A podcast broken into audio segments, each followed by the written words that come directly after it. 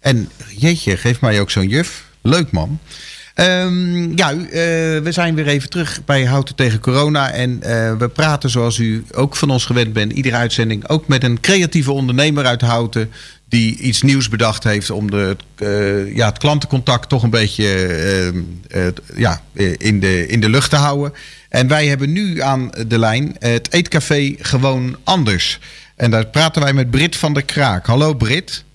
Hallo. Hallo, goedemiddag. leuk dat je even aan de lijn wil komen.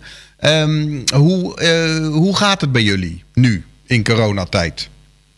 Um, nou ja, toen wij eenmaal hoorden dat we de deuren van ons eetcafé moesten sluiten, toen uh, ja, moesten we natuurlijk iets nieuws gaan bedenken of gaan verzinnen. En uh, toen zijn we dus gaan bezorgen, bezorgen en afhalen. En ik moet zeggen, dat valt nog niet tegen.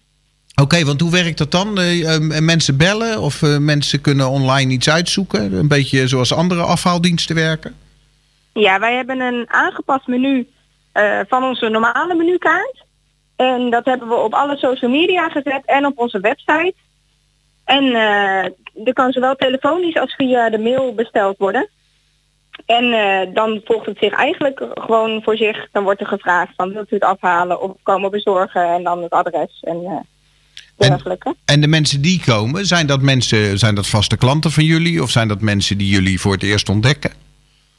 Nou, dat is heel verschillend. De eerste week hadden we heel veel uh, vaste gasten inderdaad en uh, vrienden, familie.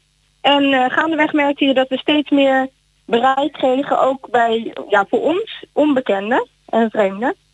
En ook daar horen we een hoop positieve reacties, dus dat is echt hartstikke leuk juist. En heb je de indruk dat uh, houtenaren ook zien dat, uh, dat ze dit een beetje moeten doen om ook de lokale ondernemers een, uh, een steuntje in de rug te geven? Ja, ja, dat denk ik wel. Dat is ook wat we vaak terug horen aan de telefoon wel. Dat mensen zeggen, ja, we gingen wat eten bestellen en toen dachten we, nou laten we eens kijken welk restaurant of welk, welk café er iets bezorgt. Iets, iets leuk doet. En wat is jullie favoriete ja. gerecht? Wat is het meest besteld? nou, dat zijn toch momenteel wel de sperrips. Want die zijn lekker bij jullie. Ja, die staan nog niet uh, op onze vaste menukaart. En hebben we eigenlijk nu sinds een week voordat we moesten sluiten, hebben we die erop gezet. En je merkt dat die nu echt, uh, echt heel goed gaan lopen. Ja. Oké, okay, dus uh, voor alle mensen die luisteren, de spare ribs bij het eetcafé um, gewoon anders. En die zitten op het rond, hè? Geloof ik. Ja, klopt. Op het hoekje van het plein. Tegenover de ABN, ABN AMRO. Oh ja, maar het is op zich interessant dat je zegt op een rond, want het is rond en dan zeg je op, de, ja. op het hoekje van het plein. Dus daar moest ik even ja, ja, over er nadenken. Zit een, maar. uh, ja, er zit een kleine onderbreking van een fietspad tussen. Ja. Dus zodoende eindigen wij zeg maar ja. op het hoekje. Nee, hartstikke goed. Daar zitten jullie uh, en mensen ja. kunnen daar dus uh, behalve spare ribs ook andere lekkere dingen bestellen. Jullie hebben je vorm gevonden.